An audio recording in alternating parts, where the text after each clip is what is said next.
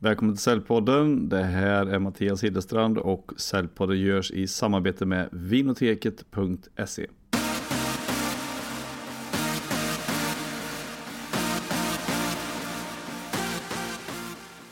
Idag via Skype har jag med mig ingen mindre än David GP Phillips, internationell presentationsteknikguru och en riktig powerpoint-disruptör och du är grundare till både presentationsteknik.com och då nu ditt nya bolag David GP Phillips.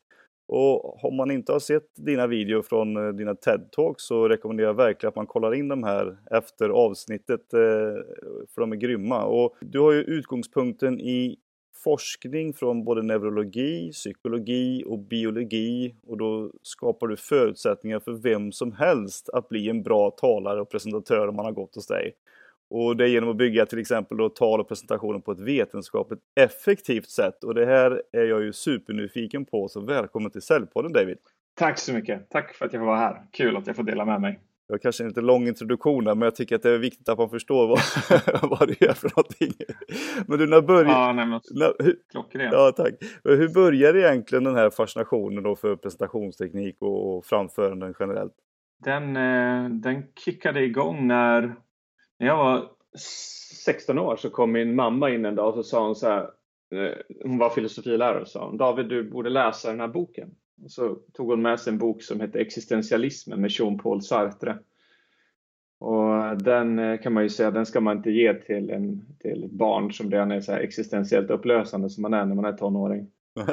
men, eh, men jag läste den här och insåg att att livet är meningslöst, allt är meningslöst, vad jag pluggar i gymnasiet är meningslöst. Men efter ett tag så började jag komma runt till att idén med att jag kan styra mitt eget öde och insåg att det här med att lära sig om hur människor fungerar det är ju ett absolut måste. Så jag började läsa beteendevetenskap och neurokognitiv psykologi så här som 16-åring. Och som 17-åring gjorde jag någonting som ingen annan gjorde, tror jag i alla fall i min ålder, eller kanske få.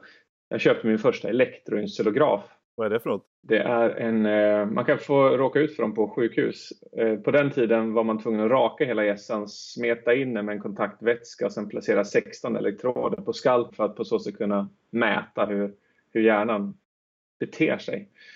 Så, och då kan man ju tänka sig redan som 17-åring var jag nog säkert ganska avvikande som människa för jag, jag var så helt absorberad, passionerad, nördig kring hur funkar hjärnan? Ja. Och det här föranledde att jag lärde mig jättemycket om hur hjärnan fungerar. Och ett av mina första jobb blev som utbildare och jag insåg att alla andra utbildare var inte lika bra. Så då fick jag jobb att undervisa dem i utbildning och där föddes min första, min första kurs i presentationsteknik och det var, det var 19 år gammal ungefär. Mm. Så därifrån gick det. Och sen den dagen fram till att jag är 41 i år och fyller magiska 42 nästa år så har jag det här är min passion, det är min kärlek, det är mitt allt. Vad gör du med den här eh, apparaten? Har du kvar den fortfarande? Då? Den har jag inte kvar men jag har två stycken som är betydligt mer moderna, trådlösa också. Så, ja, ett väldigt bra användningsområde är när jag får hit klienter som är väldigt nervösa så här på riktigt. Eh, då är det bra att sätta på dem apparaten. Man behöver inte raka huvudet på dem eller raka bort håret nu för tiden. Men eh, då får de sätta på den här för att se att de kan kontrollera sina egna hjärnvågor och därmed också sin egen nervositet och nervositet på slaget genom att bara tänka vissa typer av tankar. Okay. Och när en person inser att det finns en kontakt mellan tanke och fysisk reaktion så dämpas nervositeten ganska omedelbart. Intressant. Ett sätt att använda det. Sen så använder jag det på många, många andra sätt också men i coachning så är det det primära. Ja. När, man, när jag åtminstone kom i kontakt med, med dig och ditt namn första gången så var ju det via din bok How to avoid death by powerpoint.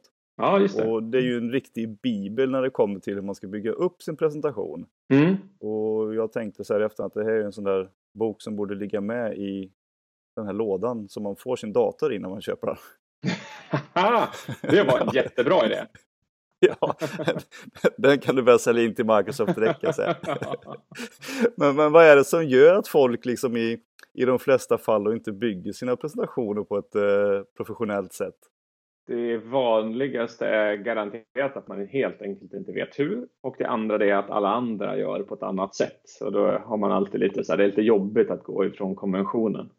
Mm. Eh, men, eh, ja, så det är väl de två primära anledningarna. Man vet inte och kultur. Okej. Okay. För, för det tar inte längre tid. Nej, jag menar det. För jag, tänker, för, menar, när Microsoft då skapade PowerPoint och Apple och Keynote senare. Fanns mm. det då egentligen någon vetenskap bakom det där? Eller hur det skulle användas på bästa sätt? Eller var det liksom bara några eh, ingenjörer som skapade ett sätt att visa presentationer på en PC? Du, eh, det kan jag bara sia om, men med tanke på hur det ser ut eh, så skulle jag definitivt säga att det var nog mest bara ett gäng tekniker som satte ihop en plattform. Mm. För den verkar inte vara alls genomtänkt i ett psykologiskt perspektiv, inte de första versionerna. Men senare, de, eh, mm, nu börjar det finnas hopp. Men när insåg du liksom att de här powerpoint-presentationerna du får se då, att de inte används, eller själva systemet eller programmet var som sådan, att den, att den inte används så som den borde göra? Eh, ja, vad ska man säga, det är, det är klart att det är tragiskt. Det är, det är som när människor kommer till mig, de flesta kör ju PowerPoint och då, på något sätt måste jag förmedla till dem att det är svårare att köra PowerPoint på ett bra sätt än någonting annat. Det är lättare att det är lättare att använda rekvisita, det är lättare att ha dialoger och bikuper, det är lättare att köra storytelling. Power, att leverera PowerPoint på ett sätt som håller publiken vaken i en timme, det kräver skills. Det är svårt. Det är som att framföra en Formel 1-bil. Det är, så det är jätteroligt att man som förhållandevis outvecklad presentatör väljer det absolut svåraste verktyget. Men, men vad, vad, tror du det beror på då? Är det för att bara att det råkar finnas i datorn och alla andra gör det? Ja, absolut. Och sen ska man gömma sig också. När jag intervjuade Henrik Schyffert i min första bok så sa han att, att Powerpoint är som en snuttefilt för talare. Och det är precis så. För jag får många gånger motiveringen att ja, men om jag kör Powerpoint då behöver ju inte jag vara i centrum. Nej, och det är helt fel. Ja, gud ja. Det är du. Det är dig jag köper. Jag köper din röst, ditt ansiktsuttryck, din inlevelse, ditt kroppsspråk. Dig köper jag. Jag köper inte PowerPoint. Visst, den kan stödja ditt budskap, men inte den som Åh, vilken bra PowerPoint! Det där vill jag ha. Det är inte så det funkar. Nej, ja, precis. Och det är vi kan komma in på det lite grann om en liten stund här, men man har ju sett liksom tusentals presentationer genom livet och som sagt, det finns lite övrigt att önska på professionaliteten på en del. Tveklöst. Men eh, när bolag eller då kanske enskilda personer kommer till dig och vill ha hjälp med sina presentationer, vad var är det då som det egentligen det största problemet ligger? Det är nog först får man splitta på det för det finns alltid två fokus. Det ena är innehållet och det andra är framförandet. Mm. Tittar man på innehållet så är det oftast, ska man säga, vi tar de mest klassiska felen och det är överbelastade powerpoint så det får man lösa. Eh, det andra är att de saknar, de saknar ett varför, en mening i sin presentation de har inte, de har inte listat ut varför deltagarna ska lyssna på powerpointen överhuvudtaget. Eh, och de har inte formulerat det, vilket gör att deltagarna ganska snabbt tappar attention, dopamin, som vi kommer att prata om lite senare tror jag. Mm. Och eh, det är väl de, vad kan det vara mer? Ja, kanske strukturen. Vi är jätte, det är jättespännande att se hur människor skippar strukturer och skaffar sig bra starter och landningar i sina presentationer. Så det är nog på innehåll de tre tipsen jag kan ge. Och mm. Eh, sen så framförande så de vanligaste felen som man begår vad gäller framförande är att man tar inte plats. Man ställer sig i hörnet bredvid sin dator. Det andra är att du är. Det är ett jättevanligt fel. Över hälften av alla mina klienter är eller har mellanljud. Mm. Och när man har mellanljud så tyder det på att man är osäker eller otrygg, vet inte riktigt vad man ska säga, kanske att det signalerar att man talar osanning. Och det där är ju ingenting man vill signalera i en presentation. Plus att det gör dig själv osäker, så att, att upphöra att är. Och för att ge dig ett tredje så det blir jämnt på både innehåll och framförande så skulle jag säga att det skulle nog vara att du, har, att du inte använder Eh, gester, att du inte använder kroppsspråk för att förmedla ditt budskap utan du låter dig själv vara väldigt passiv och så hoppas du att det du säger och det du visar på powerpointen ska räcka. Men så länge kroppsspråket säger någonting annat än det du säger så uppstår en diskrepans och då uppstår inte det där förtroendet som behöver finnas där. Mm. När, när tänker du liksom att när du själv då lyssnar på en powerpoint-prestation, när tycker du att den blir sådär magisk för den som lyssnar? Mm. Jag undrar om jag någonsin har sett en PowerPoint-presentation som är magisk. Jag, jag tror inte en PowerPoint-presentation kan vara magisk. Jag tror att en presentatör kan öka magin i sin presentation om de använder sig av PowerPoint på rätt sätt. Och vad skulle då vara rätt sätt? I det här fallet så är det väldigt enkelt. Det är extremt kärnfull text, en, två, tre ord, ett, två, tre, eller bild eller några grafiska element som på något sätt kopplar till innehållet. Jag tror att jag, jag har sett någon som, alltså det, jag mm. tänker magi, jag har sett ett par, två stycken föreläsningar där personen är fullständigt synkad med powerpointen utan att titta på den och det går i extremt högt tempo. Vi snackar så här äh, ett par 300 slides på 20 minuter. Det finns en kille som heter Dick Hart på Youtube som kör en sån mm. och den är helt synkad med det han säger vilket gör att så fort vi, vi människor upplever någon form av synkronicitet i musik eller tal eller vad det än är för någonting så blir vi lite trollbundna utav det. Så, mm, där. Men den skulle inte vara magisk utan honom. Så det är en kombination. Mm. Men hur, hur, ehm, när du väver in då både neurologi, psykologi och biologi i de här tankarna med hur en powerpoint ska byggas upp. Hur, hur gör du då när någon kommer till dig och eh, liksom vill ha hjälp med den? Hur, hur bygger ni upp en optimal presentation steg för steg? Och det är ett jättelångt svar på den frågan men vi tar ett kort, kort svar på frågan. kan dela upp det. Nummer ett är att jag frågar om vilken känsla vill du att deltagarna ska lämna lokalen med? För den känslan kommer att driva deras logiska beslut framåt. Mm. Så om de inte har känslan så kommer de sannolikt att tappa det beslutet som behöver drivas framåt. Så att eh, nummer ett, vilken känsla vill du att din presentation ska lämna hos deltagarna när de lämnar dig? Nummer två är hur ska du hacka deras hjärna? Och då går jag in på ett avsnitt som just heter Hacker Brain i, i, i min uh, utbildning mm. som går ut på hur penetrerar man en sektion som heter orbifrontal cortex i din frontallob. Och då finns det ett gäng olika tekniker för det, 20-tal. Och då uh, tittar vi på vilka passar dig. Så plockar vi ut kanske 5-6 tekniker och sen så applicerar vi dem så att när personen kommer in till den här gruppen så exekveras de här 5-6 teknikerna under de första 5-6 minuterna. Eh, och då har man skapat en känsla. Man börjat skapa känslan, det gör man ju inte bara i början, man gör det under hela. Man har, man har initierat den här känslan som ska skapas, man hackar deras hjärna och det tredje och sista, jag fortsätter med att bara ge tre tips hela tiden, är att du ger deltagarna ett så kraftigt dopaminpåslag inledningsvis, det här varför. Så att de känner, det här vill jag ha, wow! Eh, jag kan, inte, jag kan inte tänka på någonting annat, jag vill höra den här presentationen. Hur skulle det kunna vara? Om man ger ett exempel. Ja, säg att du har en grupp som Säg att jag har en grupp som har mycket nervositet till exempel. De tycker att det är jobbigt med nervositet. Så säger jag så här att ni, eh, den här presentationen är 15 minuter lång. När jag är klar med de här 15 minuterna så kommer ni ha fått en teknik ni aldrig har använt tidigare, väldigt sannolikt. Och jag lovar er att om ni systematiskt använder er av den här tekniken så kommer ni aldrig igen att känna negativ nervositet i era presentationer framöver. Vill ni höra de här 15 minuterna? Och det kommer de garanterat säga ja till. Mm. Och det är det här dopaminpåslaget de får då bara vill ha, ha, begär, ge mig. Just det. Men det spelar ju ingen roll om jag säger det om jag inte också bygger upp och hackar deras orbifrontal cortex genom att säga saker som att jag har jobbat med det här i 20 år, jag coachar människor världen över, jag äger Sveriges största bolag i presentationsteknik, jag har en egen kursgård utanför Västerås och eh, allting jag undervisar bygger på biologi och neurologi. Då, det är ju en av teknikerna för att hacka orbifrontal cortex. Skapa ett förtroende liksom. Hack their brain. Mm. Och känslan, om vi tar ett exempel på det tipset också, då skulle jag kanske kunna dra ett eget personligt exempel på när nervositet stoppade mig på ett obehagligt sätt när jag stod på scenen.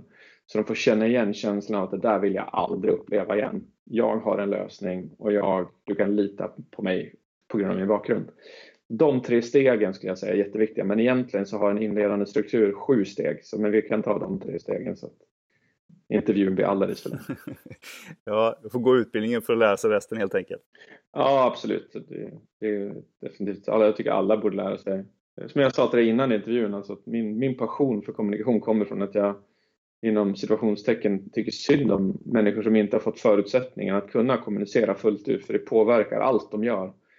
De raggar på krogen eller vid middagsbordet, hur de uppfostrar sina barn och relationer, vänskap, allting påverkas av om du är bra eller dålig på att kommunicera. Så att alla bör lära sig presentationsteknik och kommunikation. Det är så att, jag skulle säga att det är det enda fundamentala ämnet du behöver lära dig i livet. Sen så kommer resten att lösa sig.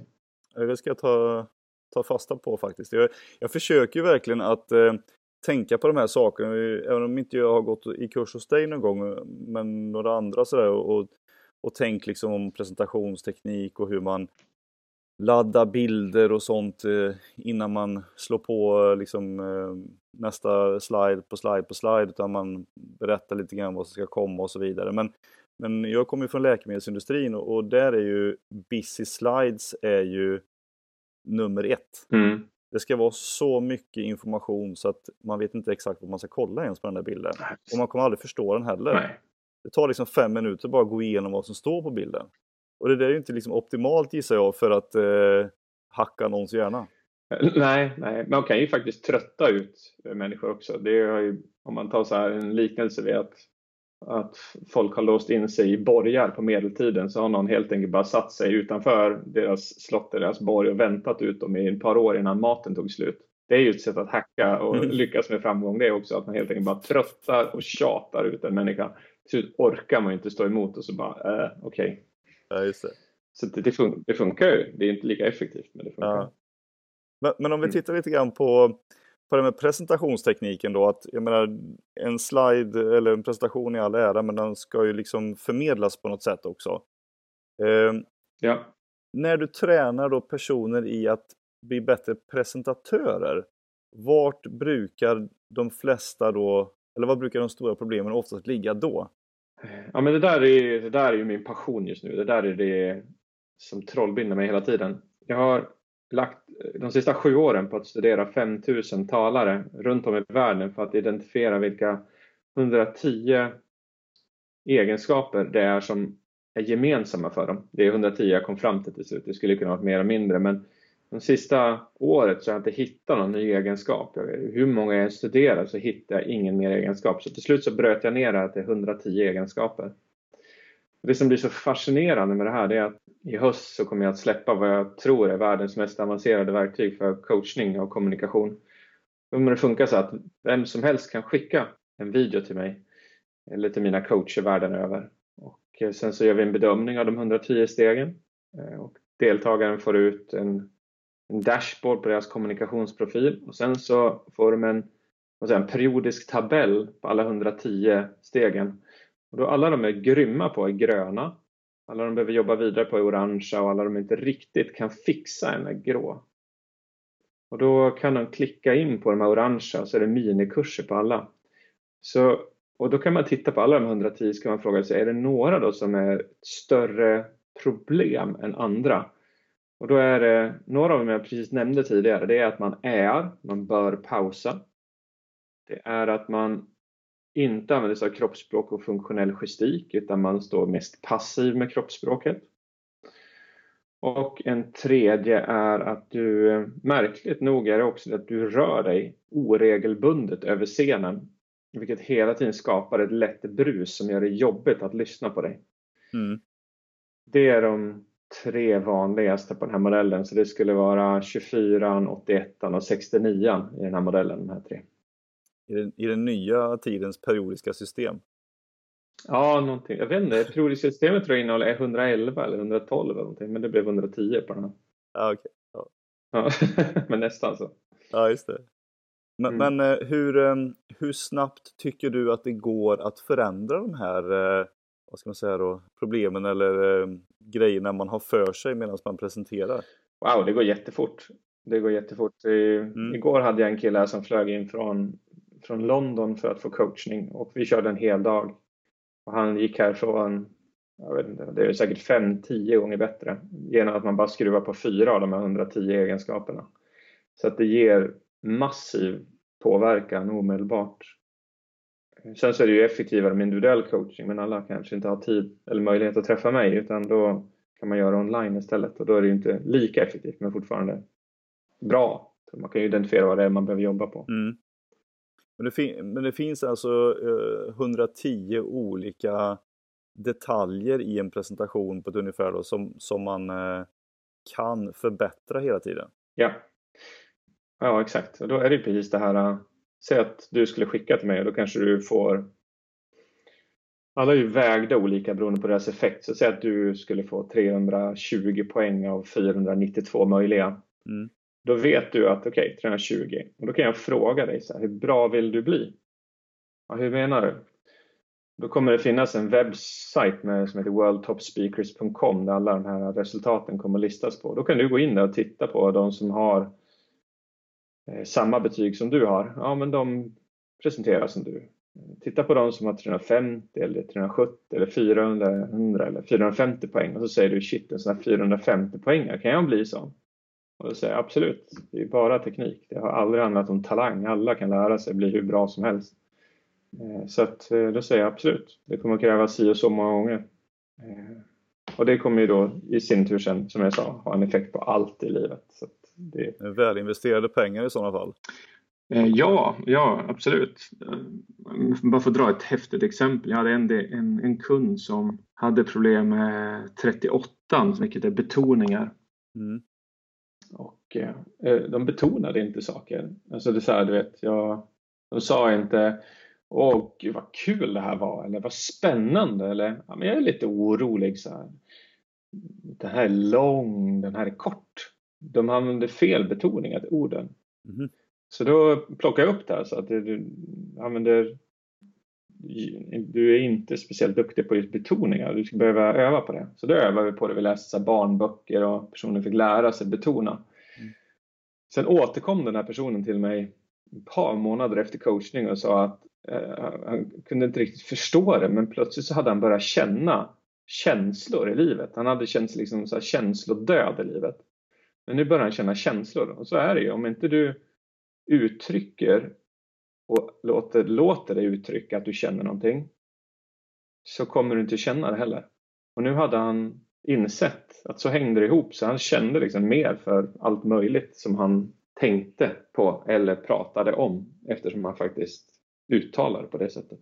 Han kopplar ihop liksom sina, sitt innersta, eller ja, sina känslor helt enkelt då med med det han får från mm. utifrån. Mm. Mm, det är ju jättehäftigt. Så då kan man verkligen säga så här, en teknik påverkar hans liv mer än någonting han hade lärt sig på hur länge som helst.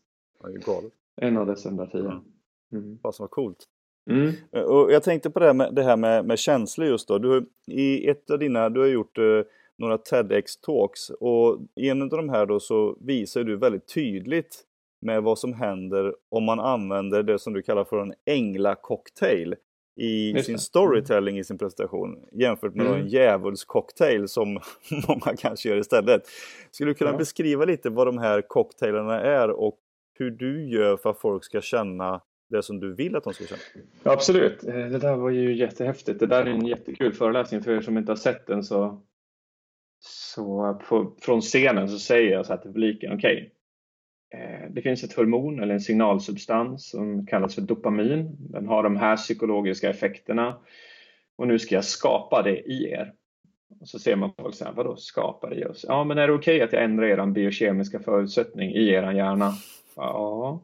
Och då måste vi också vara överens om att det kommer kännas skönt i början, det kommer bli bättre och bättre, sen kommer det bli jobbigt, så kommer det bli skönt igen. Är det också okej okay för er alla? Ja. Och sen så gör jag det och så bevisa efteråt hur jag gjorde det och att jag faktiskt förändrade deras biokemiska konstruktion så de fick andra nya psykologiska effekter.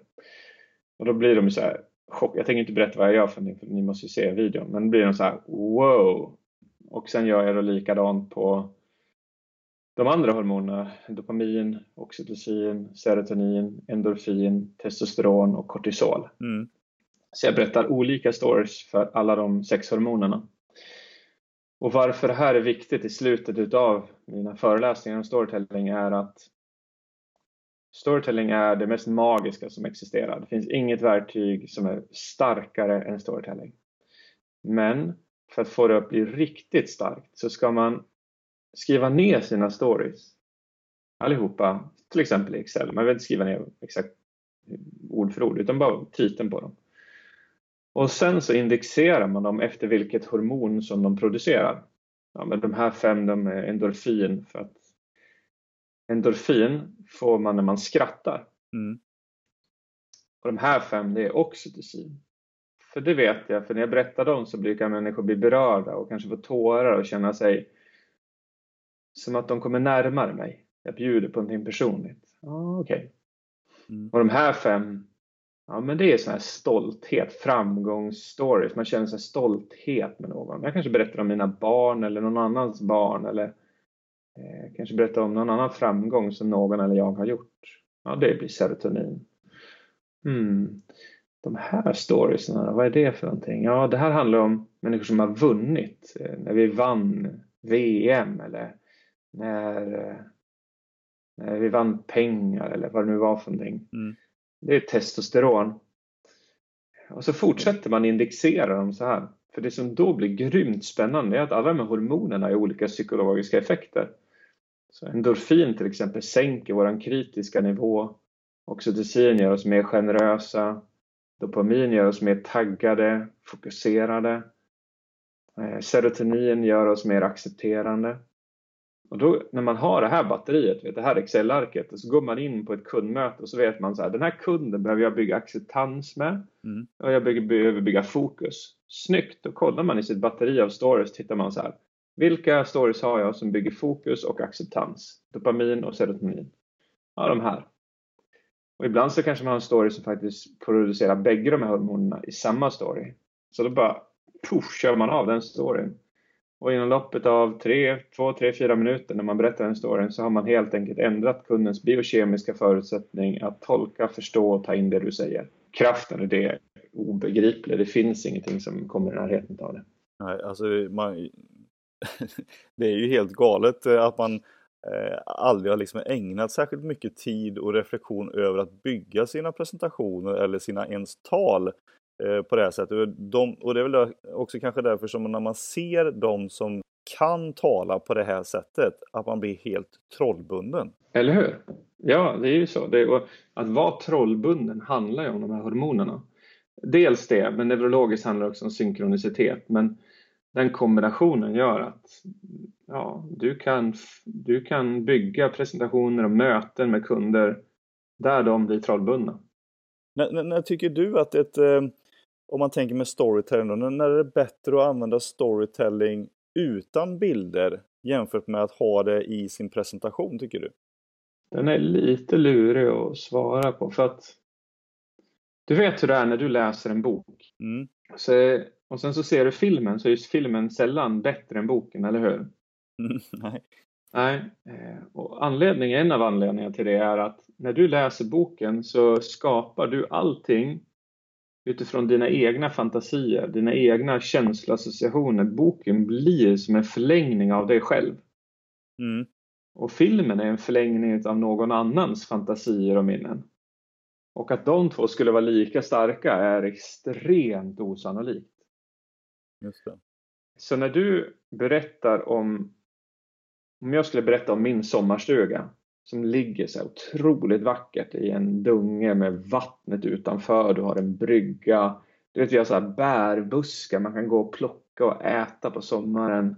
Man hör fåglarna och när man tar morgonkaffet där på terrassen och man känner solen bara stråla ner på en och det är helt tyst förutom fågelkvittret. När jag berättar det som en visualisering som jag gjorde nu Mm. så är det starkare än om jag visar en bild på en sommarstuga med bärbuskar och solsken.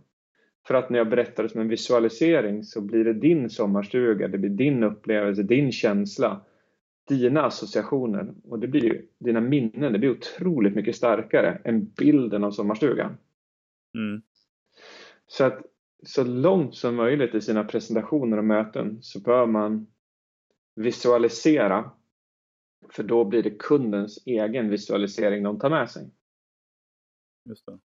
Så det är nästan alltid starkare. Men det finns vissa undantag där kunden kanske har svårt att föreställa sig den enorma magin i det. Som att jag har till exempel eh, eh, jag coachar Aron, han är en stor äventyrare i Sverige och han berättar om hur han skidar på Nordpolen.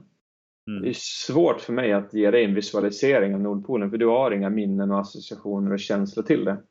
Nej. Så då är det bättre att visa en bild.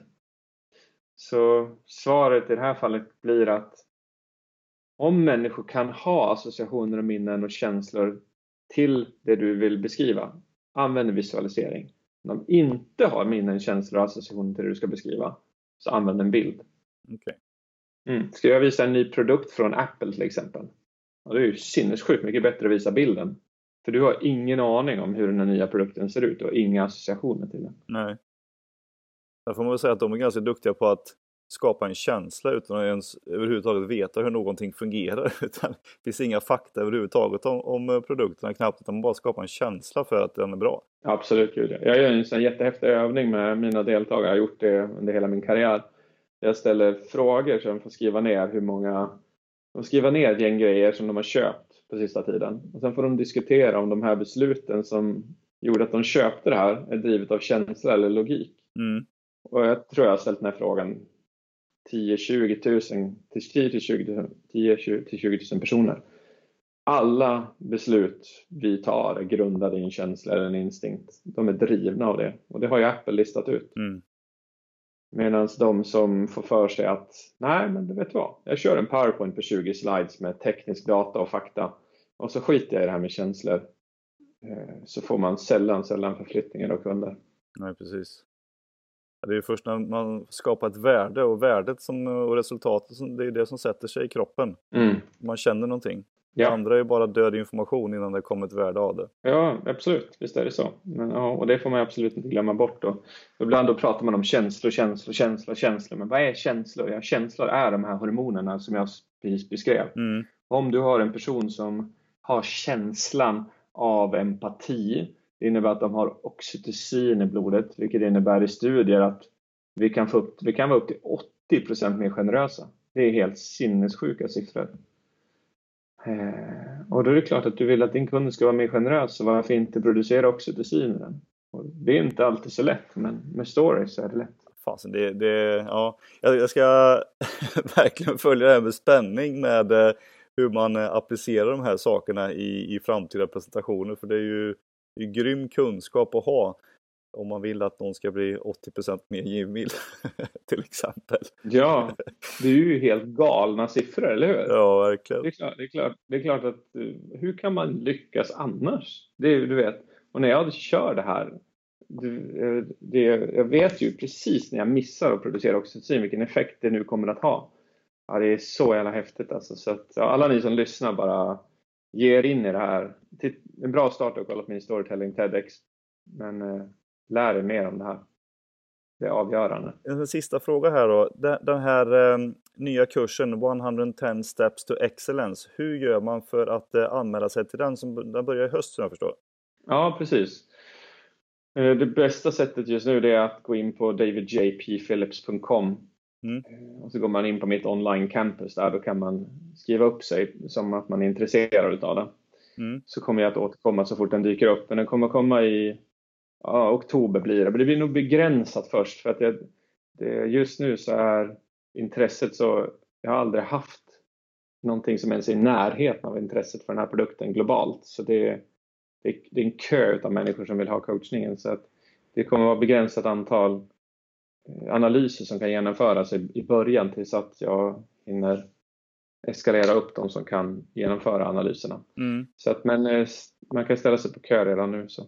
Jag ska lägga en länk till eh, den också till, eh, till beskrivningen av det här avsnittet sen på säljpodden.se så att man kan eh, klicka in och läsa lite mer. Men du, David, tack så jättemycket för att du tog dig tid att vara med i Säljpodden och berätta hur man undviker powerpoint-döden. Ja, men du, tack. Vad, vad kul, vad roligt, spännande att, att vara med eh, och eh, att få dela med sig av kunskapen. Så jag hoppas att verkligen att du lärde dig någonting och att alla som lyssnade också tar med sig och lär sig någonting av det. Ja, men verkligen. Jag ska genast mm. gå och börja fundera lite grann på hur jag ska få kunderna att bli lite mer givmilda genom hormonökning. Ja. Gör det. Ja, det är grymt. Det är bra. Tack så mycket. Tack. Ha det gott. hej. hej.